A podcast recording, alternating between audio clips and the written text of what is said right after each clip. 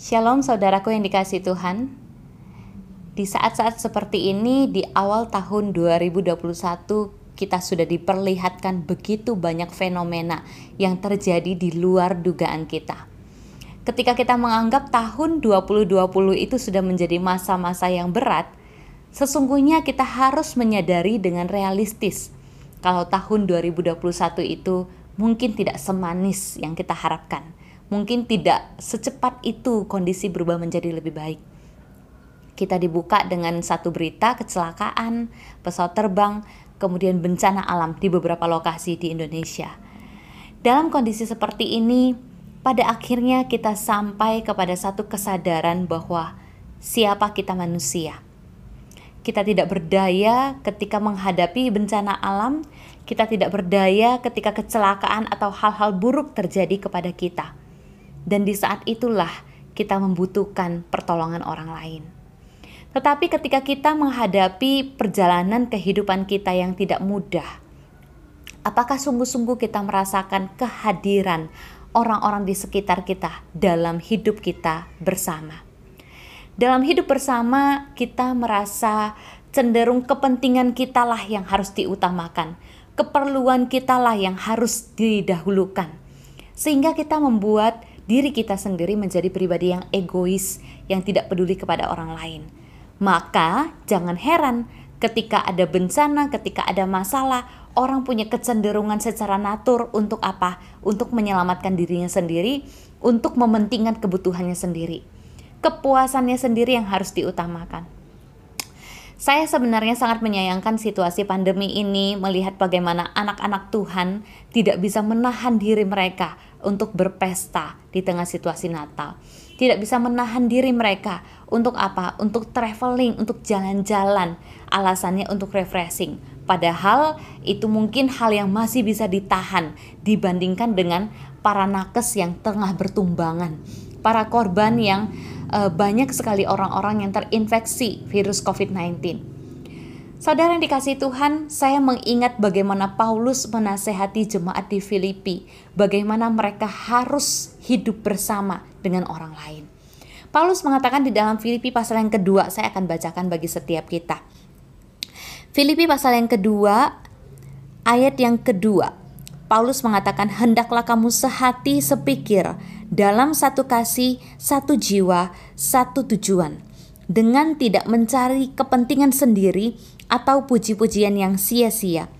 Sebaliknya hendaklah dengan rendah hati yang seorang menganggap yang lain lebih utama daripada dirinya sendiri.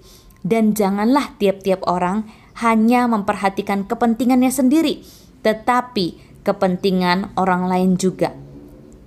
Hendaklah kamu dalam hidupmu bersama menaruh pikiran dan perasaan yang terdapat juga dalam Kristus Yesus. Saudara yang dikasih Tuhan, pembacaan Alkitab bagian ini Paulus ingin mengajarkan kepada jemaat untuk tidak menjadi orang yang egois. Kondisi jemaat di Filipi bukan dalam kondisi yang nyaman. Mereka juga punya persoalan ekonomi, mereka pun berada di dalam tekanan di mana iman mereka dipertaruhkan. Tapi nasihat Paulus Ketika ia menuliskan bagian ini pun ia sedang ada di dalam penjara. Tapi ia ingin mengatakan dua kata yang mungkin saya bisa bahasakan adalah jangan egois. Jangan egois dalam hidup bersama.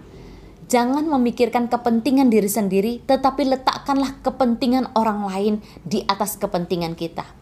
Coba kita bayangkan kalau misalkan di dalam satu situasi kehidupan manusia di dunia ini, setiap orang berusaha untuk saling mendahulukan, saling melayani, saling memberikan tumpangan, saling memberikan kesempatan untuk mereka menikmati hal yang baik duluan. Betapa indahnya dunia ini. Kita sering kali tidak memikirkan kepentingan orang lain. Yang penting gua senang, yang penting gua aman, yang penting gua selamat. Tapi Paulus mengatakan hal yang berbeda. Hendaklah dalam hidupmu bersama engkau menaruh pikiran dan perasaan yang terja, terdapat juga di dalam Kristus Yesus. Yang seperti apa? Yang dalam rupa Allah tidak menggunakan kesetaraan dengan Allah itu untuk mencari kepentingannya sendiri, melainkan kesetaraan dengan Allah itu dia gunakan untuk mengutamakan kepentingan keselamatan manusia, Tuhan Yesus mati di atas kayu salib. Saudara jangan menjadi orang yang egois. Di tahun 2021, bukankah seharusnya kita perlu belajar untuk lebih saling memperhatikan satu dengan yang lain? Di dalam dunia ini yang tidak semakin mudah, kepada siapa lagi kita bisa berharap kalau bukan kepada sesama anak Tuhan, sesama saudara seiman. Dan apa yang bisa kita harapkan jika kita sebagai anak Tuhan menjadi orang yang egois dan tidak peduli kepada sesama? Saya berdoa dan berharap kita tidak menjalani hidup kita di tahun ini dengan sia-sia hanya untuk mengejar kepentingan kita sendiri. Dunia tidak semakin mudah, tetapi anak-anak Tuhan terus-menerus dipanggil untuk menjadi terang, untuk menjadi pelayan, untuk menjadi orang-orang yang bisa menghadirkan shalom dengan melayani dan mengutamakan kepentingan orang lain.